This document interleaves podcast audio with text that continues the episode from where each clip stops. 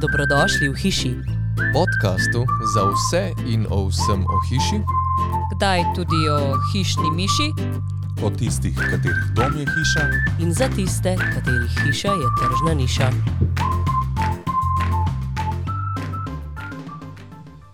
Andrej, mič številka dve, ta je zelo prisoten, saj ko govorimo o lesu. Lesena hiša propade prej kot zidana. Govorimo o trohnobi, nekateri po domače temu rečejo, da les zgnije. Ali to drži? Ja, imamo primere slabe prakse tako v leseni kot v zidani hiši. Problem je, če stvar ni dobro narejena, če nekje voda zastaja, če se ne oteka.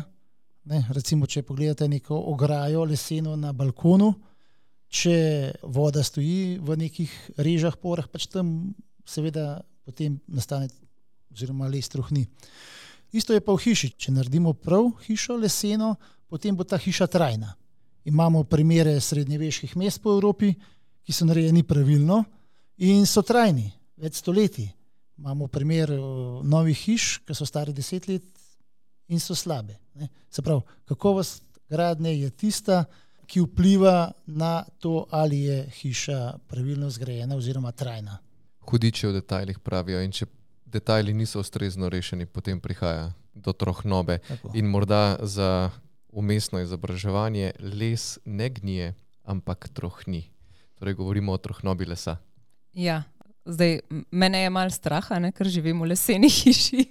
Ampak, ja, ko smo postavljali pri nas leseno hišo, um, so sosedje prišli in so rekli, boste že videli, vam bo prišel črov noter v les in vam je pojedel, no, hiša še zmeraj, seveda, stoji. Ampak kako je pa z kako se reče, z lesnimi škodljivci. Z lesnimi škodljivci. Tako in še eno kratko izobraževanje. Torej, lesnih črvov ni, so samo larve od lesnih insektov, torej predstopnja lesnega insekta.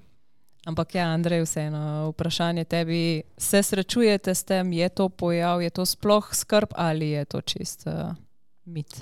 Uh, mislim, da imate tle dosti izkušenj v M-Sori, ki prodajate oziroma izdelujete lesena okna se pravi, izpostavljen les uh, mora biti primerno zaščiten. Tako da mi se v osnovi, ali pa bom tako rekel, v svojem, kar pač delamo hiše, skoraj 20 let, smo se srečali s temi vprašanji strank, ampak uh, da bi imeli pa probleme kot take na samih objektih, jih pa nimamo. Ne? Se ja. pravi, neka stena obložena z določenimi materijali, ki so fabricirani, že ti materijali niso najboljše življenjsko okolje za, za živali, bom tako rekel, sama izolacija ali pa to. Tako da mislim, da ni to nič večji problem kot pa v neki zidani hiši, spet, če je pravilno zrejena. Ne za vaš konkreten primer, ne, mislim, mislim, da vas ne rab skrbeti, ker poznam proizvajalca, ki je to hišo naredil. Ne, in, in, je, in je pazil na detajle. In je pazil na detajle. Tudi pri oknih v moji hiši smo pazili na detajle.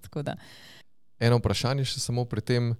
Zadnjič smo imeli primer na hiši, kjer smo ugradili mi lesena okna. Hiša je tudi dobila priznanje oziroma nagrado na odprtih hišah Slovenije. In v to hišo je investitor ugradil na različne segmente hiše, v različne detajle, senzorje vlažnosti, da spremlja, če se karkoli dogaja z vlago v lesu, če bi prihajalo do zatekanja. Si se že kdaj soočil s tem pri vas, ste to že poskusili, oziroma je to smiselno? Ja, to je pač primer nekega uh, spremljanja, inženirskega spremljanja, kaj se dogaja v objektih, objektu iz mogoče znanstvenih uh, razlogov. Drugač pa se, seveda se dogaja, v steni se dogaja, saj v naši steni, ki je difuzijsko odprta, ki omogoča prehod vlake tako na ven kot na vznoter, se ta vlažnost spreminja.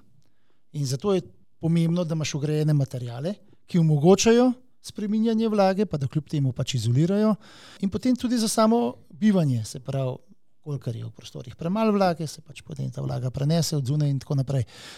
Je pa vse to narejeno oziroma izračunano tako, da se vse ta vlaga ali pa pravijo, ne vem, kondenčna točka, recimo bolj strokovno, da je nekje na zonanji tretjini uh, stene, kjer pa v bistvu uh, je potem toliko manj možnosti, da bi prišlo do kakšnih kondenzacij in tako naprej. Ja, verjetno je tukaj bolj namen uh, samih teh senzorjev v najbolj kritičnih uh, detajlih, ki, če niso izvedeni pravilno, dejansko lahko pripeljajo do večje količine dora vode zunanje ali pa recimo izlivi v kopalnicah, ne ja. so tisti najbolj ja. kritični.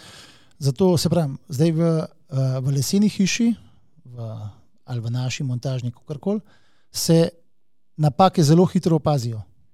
Se pravi, ni treba dosti časa, da se pojavi nek madež, kukar, če nek, neka voda spusti. Se to hitro opazi in se lahko tudi dokaj hitro sanira.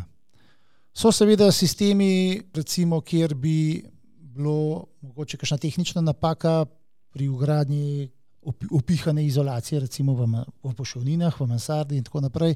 Tam se pa te stvari v bistvu mi rešujemo s toplotno kamero, ki v uh, hladnih dnevih pač pokaže vse te spremembe temperatur znotraj izolacije. Ne.